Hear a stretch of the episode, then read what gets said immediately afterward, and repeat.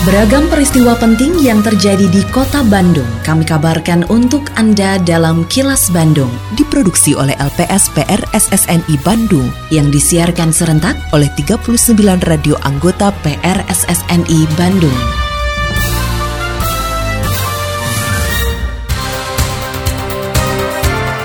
Sejumlah informasi aktual kami hadirkan untuk Anda dan inilah informasi utamanya. Kota Bandung masuk PPKM level 2, sejumlah aktivitas mulai direlaksasi. Dishub Kota Bandung siapkan personil dan armada angkutan hadapi libur lebaran. Ribuan knalpot bising hasil razia dimusnahkan. Saya, Santika Sari Sumantri, inilah kilas Bandung selengkapnya.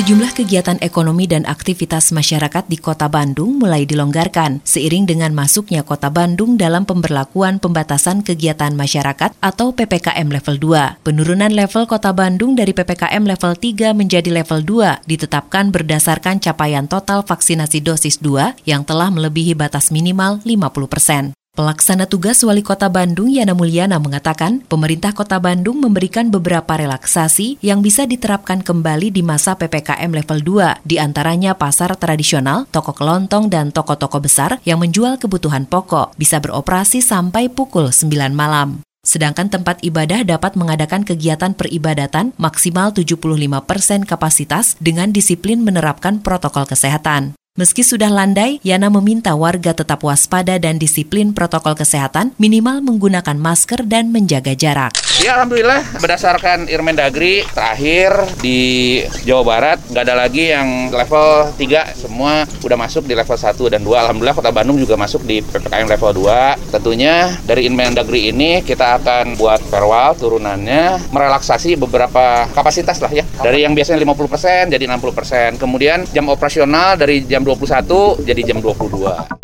pada libur Idul Fitri tahun ini, masyarakat diperbolehkan mudik namun harus memenuhi syarat melakukan perjalanan. Pemerintah pusat bahkan sudah mengumumkan libur nasional dan cuti bersama Idul Fitri mulai 29 April sampai 6 Mei 2022. Untuk mengantisipasi hal tersebut, Dinas Perhubungan atau Dishub Kota Bandung sudah menyiapkan rencana operasi mudik lebaran tahun 2022 yang dimulai 26 Mei sampai 10 April. Kepala Dishub Kota Bandung Riki Gustiadi menyatakan pihaknya akan menerjunkan 700 personil untuk bertugas di pos komudik dan pos gatur bersama kepolisian dan instansi terkait lainnya. Dishub Kota Bandung juga menyiagakan armada angkutan dalam kota dalam provinsi di Terminal Lewi Panjang dan Terminal Cicahem untuk melayani penumpang yang akan mudik dan balik. Meski diperkirakan jumlah penumpang selama 10 hari masa libur lebaran mencapai 250 ribu pemudik, Riki menjamin tidak akan ada penumpukan penumpang rencana operasi lebaran tahun 2022 untuk Dinas Perhubungan Kota Bandung ini dari tanggal 26 April 2022 sampai dengan 10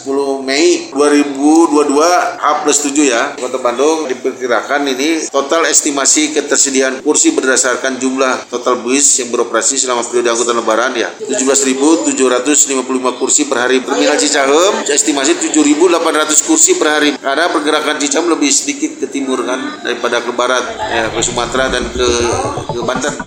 Jawa Barat menjadi provinsi ketiga di Indonesia setelah Jawa Timur dan Jawa Tengah yang mengirimkan pekerja migran terbanyak ke sejumlah negara dengan jumlah mencapai 200 ribu lebih pekerja. Kepala Badan Perlindungan Pekerja Migran Indonesia atau BP2MI, Beni Ramdhani menyatakan, lima daerah di Jawa Barat yang menempatkan pekerja migrannya paling banyak antara lain Indramayu, Cirebon, Subang, Karawang, dan Majalengka. Menurut Beni, pekerja migran memberikan sumbangan devisa untuk Indonesia mencapai lebih dari 150 triliun rupiah setiap tahun. Jumlah ini menjadi terbesar kedua setelah sektor migas dan lebih tinggi dari sektor pariwisata. Jawa Barat adalah provinsi ketiga daerah terbesar penempatan pekerja migran Indonesia setelah Jawa Timur dan juga Jawa Tengah. Lima tahun terakhir, catatan kami 200.280 pekerja migran ditempatkan dari Jawa Barat. Sumbangan devisa yang diberikan PMI setiap tahun adalah 159,6 triliun kepada negara. Ini sumbangan devisa terbesar kedua setelah sumbangan devisa sektor migas yang melebihi atau di atas sumbangan devisa dari sektor pariwisata negara kita. Sebagai penyintas COVID-19 pertama di kota Bandung, pernah merasakan bagaimana terpaparnya tubuh oleh virus corona. Jauh dari nyaman, karena nyawa kita sedang terancam. Jadi, jangan sampai hal tersebut Anda alami. Warga Bandung, pandemi COVID-19 belum usai. Mari disiplin menggunakan masker, cuci tangan selalu, jaga jarak, dan hindari kerumunan masih menjadi keniscayaan. Mari kita jalankan pola hidup sehat, makan teratur, istirahat yang cukup, dan berolahragalah. Saya Yana Mulyana, PLT Wali Kota Bandung. Atur nuhun. Iklan layanan masyarakat ini dipersembahkan oleh Dinas Informatika Kota Bandung. Kini, audio podcast siaran Kilas Bandung dan berbagai informasi menarik lainnya bisa Anda akses di laman kilasbandungnews.com. Ribuan knalpot bising dan bukan standar buatan pabrik dimusnahkan oleh jajaran Satuan Lalu Lintas Polrestabes Bandung. Ribuan knalpot bising ini merupakan hasil razia yang digelar oleh jajaran Polrestabes Bandung. Kapolrestabes Bandung Komisaris Besar Polisi Aswin Sipayung mengatakan, razia knalpot bising dilakukan untuk memberikan ketenangan kepada umat muslim selama menjalankan ibadah puasa di bulan suci Ramadan. Untuk itu Kapolrestabes meminta masyarakat terutama pengguna sepeda motor juga bengkel motor serta komunitas motor tidak menggunakan knalpot bising dan tidak standar. Pasalnya jajaran Polrestabes Bandung akan terus merazia motor yang kedapatan menggunakan knalpot bising. Himbau kepada sekolah-sekolah, bengkel-bengkel, untuk komunitas anak muda yang biasa menggunakan knalpot bising, nah melakukan tindakan penegakan hukum ya dengan undang-undang perlintas angkutan jalan raya dan melakukan penilangan terhadap kendaraan-kendaraan yang menggunakan knalpot bising.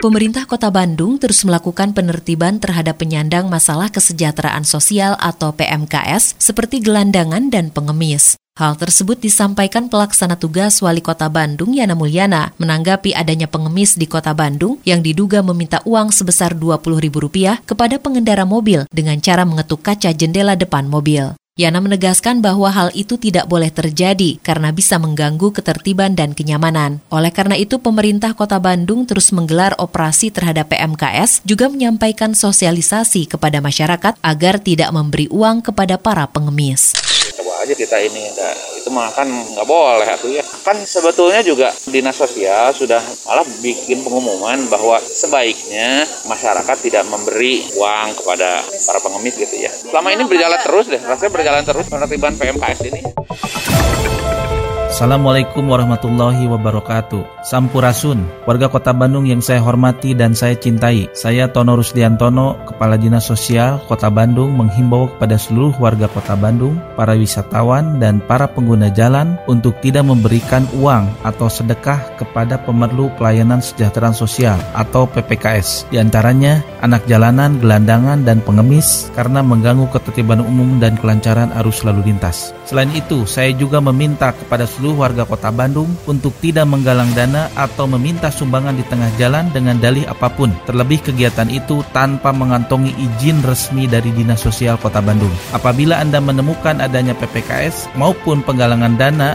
diminta partisipasinya untuk melaporkan hal tersebut kepada Dinas Sosial Kota Bandung. Salurkan donasi Anda hanya melalui lembaga resmi. Wassalamualaikum warahmatullahi wabarakatuh. Tetap patuhi protokol kesehatan di masa adaptasi kebiasaan baru untuk memutus penyebaran COVID-19. Selalu memakai masker, mencuci tangan, menjaga jarak dan menghindari kerumunan, serta mengurangi mobilitas agar terhindar dari terpapar virus corona. Terima kasih Anda telah menyimak kilas Bandung yang diproduksi oleh LPSPR SSNI Bandung.